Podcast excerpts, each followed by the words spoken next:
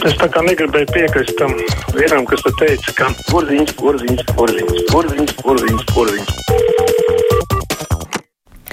Tāruņa numuru mūsu studijā ir 6722, 888, 672, 559, varat mums rakstīt uz adresi kruspunktēt Latvijas radio.lv vai arī sūtīt ziņu no mūsu mājaslapas. Klausītājs Laimonis vaicā, vai visi radio darbinieki ir uzinstalējuši jauno aplikāciju. Hm. Grūti ir uzzināt par visiem radiodarbiniekiem. Mēs vēl daudz strādājam attālināti, daži ir uzinstalējuši. Es atzīšos, ka nesmu. Man tāds vecmodīgs telefons, uz tā nevar neko uzinstalēt. Klausītājs zvana. Halo! Bulvāri projektētā ārējas viela, kur ir zaļumot, kur ir plata, kurai vienkārši vajag mazliet oh, kungs, man liekas, man, man ir jūs jāpārtrauc. Mēs jūs dzirdam no jūsu sakāmā vidus, varbūt varētu atkāpties mazliet no radioaparāta un sākt vēlreiz. Jā, jā, jā, jā labi, labi, labi. Viss ir darīts. Uh -huh. Lūdzu, tagad esat ēterā. Tā, es ziniet, klaigā par Mars uh, parku, jā. Tā pašā laikā, tepat blakus, jāatrodas par būvāru projektētā ārāizfielu plata, zaļumota, kurai vajadzīgs tikai mazliet soliņš uzlikt vai kā, un ir tāds pats parks, un lielāks, vēl krietni lielāks par to ja iecerēto maršu. Mm -hmm. Kā, Jums šķiet, ka ar to varētu pietikt, ja to kārtīgi apzaļumotu. Jā. Mm -hmm. Skaidrs, paldies par viedokli. Klausītājs Pēters raksta, pēdējā laikā ir ļoti maz ar covid inficēto, pat 9. māja pulcēšanās neatnesa nekādu saslimšanas pieaugumu Rīgā. Tas liecina, ka vīrus Latvijā patiešām ir ļoti maz. Jautājums, kas notiks, kad visi taisa vaļā robežas? Tas ir patiešām labs jautājums, kas notiks, kad taisa vaļā robežas. Nu, jau daudzas Eiropas valstis eh, krietni atvieglotākus noteikumus pieņem. Tā kā, nu, jā, visādi brīnumi var būt, eh, it īpaši vēl ja no daudzām valstīm nav jāsēž karantīnā atbraucot, eh, bet iespējams, ka tām valstīm ir vaļā robežas ar vēl citām valstīm, tā kā tur tā pārvietošanās var tīri viegli notikt. Oskars raksta, vīrus tiešām nekur nebija pazudis, jo vācu žurnālists sarēķināja, ka kopš pirmā vīrusa gadījuma Vācijas valdība 70 dienas domāja, ka tas pats no sevis pazudīs. Jaunākās ziņas, ka Vācija samazināja ierobežojumus, kad Vācija samazināja ierobežojumus, atrasti simtiem saslimušo, kas inficējās kopīgos restorānos un baznīcu apmeklējumos. Klausītājs Vans, halā! Labdien! Labdien! Nu, baigas lietas notiek Latvijā. Es lasu, kā došu ģimenīti mēģina ar policijas palīdzību atņemt Gulami viesnīcu par viņu nesaskaņām ar bandītu Ivanovu. Nu, sā, ir sākušies bandītu kari. Nu, bet es neatceros, 90. gados tas bija normāli. Nu, bet tagad, kad, kad deputāti būtu piedalījušies, tad nu, to es neatceros. Godīgi, nekad. Paldies! Paldies par jūsu viedokli! Tā Jānis raksta šaubos, ka nekārtības ASV notiek bez Kremļa troļu musināšanas. Nu, tur par tiem musinātājiem būtu interesanti uzzināt tieši, jā, kas no kurienes, jo skaidrs, ka var būt protesti un, ja tajā brīdī, ka pieslēdzas postītāji, tas parasti notiek apzināti, nu, tad jā, tas aiziet citā gultnē un ir interesanti izcelsme tam. Klausītājs zvana halā. Labdien, nu tātad, kas notiek ASV? Parasti jau tā ir, ja kaut ko sliktu kāds baltais varas pārstāvis izdara neigrim vai mulatam, tad tur šie viņa tautas brāļi, rases brāļi ārdās vairākas nedēļas vai mēnešus no vietas. Bet ja otrādi notiek, ja kāds naudādēmēs kaut ko baltēm sliktu izdara, tad baltie pati neiepīkstas. Nu, tā taču ir visīstākā rasu diskriminācija tik pretējā virzienā nekā mums par to stāstīja PSRS laikos. Un es domāju, vismaz Trumpam jau no gan vajadzētu beidzot likt pieskrūvēt skrūves un parādīt, ka nu nedrīkst uzvesties. Jo uzskata, ka ja viņam ir melna vai tumša ādas krāsa, tad viņš var darīt visu, ko grib. Un pret viņu neko nevar pasākt. Un līdzīgi, diemžēl, ir arī mums te Latvijā. Es pirms pāris nedēļām lasīju Latvijas avīzē tādu gadījumu, ka 2019. gadā tramvaja vadītāji uzbrauca virsū naktas stundā jau ap 11. vakarā divām piedzerušām vecenēm, kas nāca no tā saucamās uzvaras dienas svinības. Un brīnumainā kārtā nevis viņas tika atzītas par vainīgu, bet vadītāja. Jo, lai gan viņas neiekļautā vietā šķērsos lietas, bet vadītāja esot bijusi neuzmanīga un pārāk vēlu sākusi bremzēt. Nu, tas ir galīgākais absurds. Es esmu pārliecināts, ja tur latvietis tiktu sabraukts, kas nāca teiksim, no 16. marta svinībām, tad ir prātā nenāktu kādam vainot tramvaju vai autobusa vadītāju. Nemaz līdz prokuratūrai tā lieta nenonāktu. Mm -hmm. Jā, nu, nezinu, nezinu, nezinu. Klausītājs zvana. Halo! Labdien! Labdien! Es gribēju par maršu parunāt.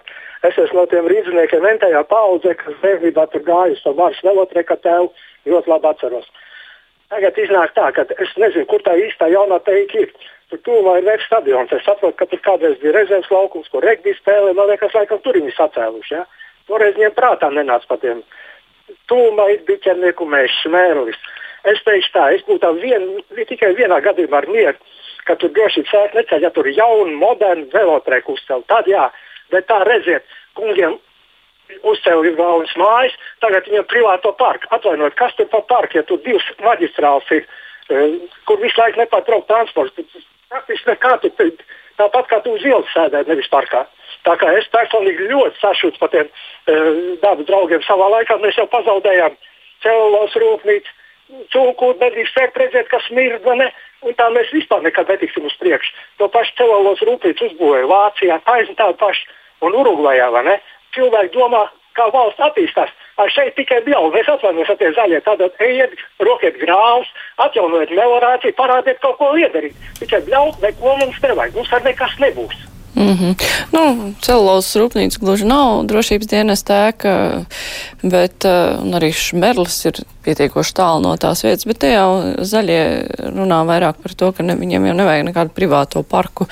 Tiem, kas ir uh, ofisos jaunajā teikā, te runa ir par to, ka atkal samazināsies koku daudzums pilsētā un nevar tā, ka vienā galā koki ir tāpat tālu. Un, Un tas svaigais gaiss jau nevar tā tik viegli pārvietoties pāri visai Rīgai, lai visiem trāpītu. Tāpēc galvenais, lai būtu daudzi zaļi punkti pilsētā. Stāsts jau ir par to. Klausītājs zvana. Halo! Labdien! Labdien! Jūs man nevarētu pateikt, kas ir gobzems, jo pagājušo nedēļu saimnes sēdēs par katru priekšlikumu viņš uzstājās, bet viņš jau uzstājās ne par tēmu, bet, bet par saviem, savām ambīcijām. Piemēram, pagājuš, pagājušo nedēļu viņam jājams izdeņš bija Filips Rajevskis, viens no gudrākiem un izglītotākiem politologiem, un otra tēma bija atlaist saimnu. Nu, tad kas pats godzens ir, vai kāds privāts detektīvs vai Krievijas spieks? Nu, ja viņš uzņemās tādu lietu, kā atlaist saimnu. Paldies! Jā, Paldies jums ar jauku dienu. Nu, viņš ir pilnīgi noteikti saimes deputāts, to mēs visi zinām.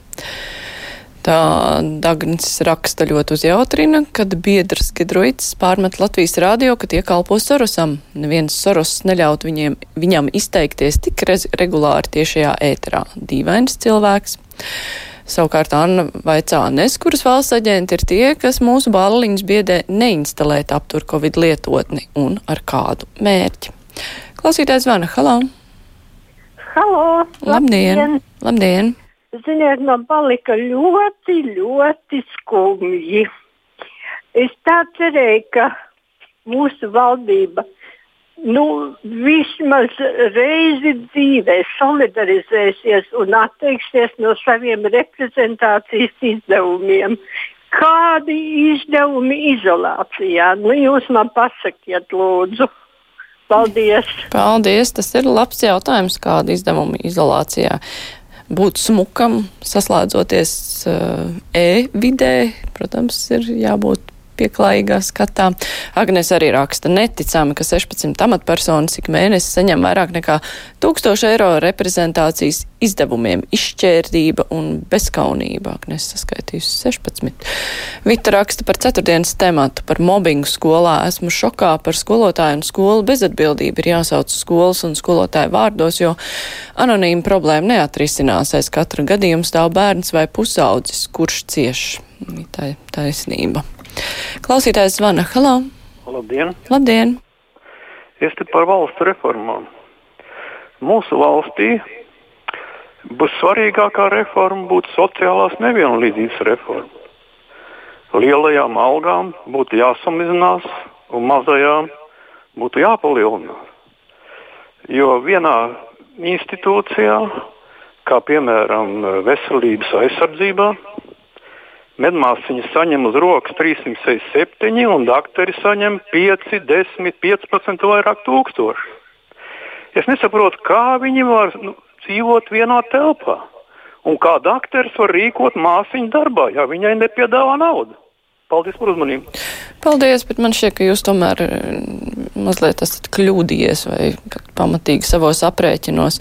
Pirmkārt, ir jāskatās arī slodzes par kādu tā naudu, ko jūs minējāt. Tā ir kāda ļoti maza slodze, jo arī medmāsām algas tomēr, lai vai kā, bet palielināja. Un uh, arī ārsti ir, kas saņ, ne tuvu ne nes, nesaņem tos 15 tūkstoši, ko jūs pieminējāt. Jā, ir tāda ārsti, kur tā saņem, protams. Un arī par to, ka vienā iestādē var būt mediķi, kuri dara vienu darbu un arī saņemt dažādi. Jā, tur ir jāskatās, kāpēc tas tā ir un kāpēc uh, kāds ir izdevīgākā vietā, kāds mazāk izdevīgā, bet nu, tā vienkārši nu, paņemt kādu māsiņu un kādu ārstu nolikt blakus un salīdzināt, nu tā īsti tā īsti nevajadzētu. Rāsma raksta, mani kā skolēnu vecāku šausmīgi aizvaino un tracina, ka šobrīd Rīgas skolu direktori piedalās politiskās reklāmās. Tas ir tik nožēlojami.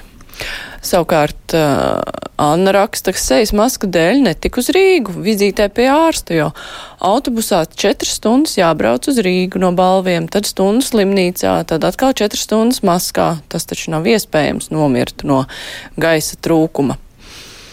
Visbula uzskata, ka vīrus un bailes par to ar savu kladināšanu sēja uzpirkties sorosisti. NVO uzdarbojas un žurnālisti par to klusē. Andrejs savukārt skaidro, ka reprezentācijas izdevumi ir piemaksas pie algas, lai noturētu ierēģņus darbā. Igaunijā tās ir divas reizes lielākas. Ne tikai ierēģiem ir reprezentācijas izdevumi. Klausītājs zvana Halo! Pārprotams, zvanītājiem, kur viņš redzēs to ārstu, kurš saņem 10, 15, 20 tūkstoši. Droši vien, ka viņš domāja to, ko viņš saņem mēnesī. Un, ja šādi, ja tas būtu tāda alga, tad būtu debesīgi. Vai viņš man pastāsta, kurā vietā ārsts saņem tādu algu, kas arī tūlīt pat pārējuši uz soliņu strādāt. Jūs mana esat ārsts? Jā, es esmu ārsts. Mana māsa saņem uh -huh. 72 mēnešus, es saņemu 1100 mēnesī uz rokas. Un viņš tur bezvienreiz pjurksēt, zini. Ja viņš saņem tos 15 tūkstošus, lai pasaka, kur, kurš to saņem, un viņš bezvienreiz gvēls stulbumības. Paldies, ka piezvanījāt un padalījāties. Pēdējo klausītāju zvanu es tomēr nepaspēšu pacelt, tāpēc, ka pieredze rāda, ka pēdējā pusminūtē neko nevar daudz paspēt pateikt, bet uh, par to, ko kungs, kurš teica, ka viņš ir ārsts, minēja, nu, jā, tas ir tas, ko es arī mēģināju pateikt, jā, ir, ir dzirdēts par ārstiem, kur saņem ļoti liels algas, bet, diemžēl, tas nav vairākums, un tāpēc tādus salīdzinājumus nevar īsti veikt. Paldies, brīvais mikrofons ar to tad arī izskan. Tagad būs ziņas, bet pēc tam mums būs pirmdienas lielā intervija un saruna būs ar tieslietu ministru padomnieci un domnīcas providus pētnieci Ilonu Kronbergu. Runāsim par bērnu tiesībām.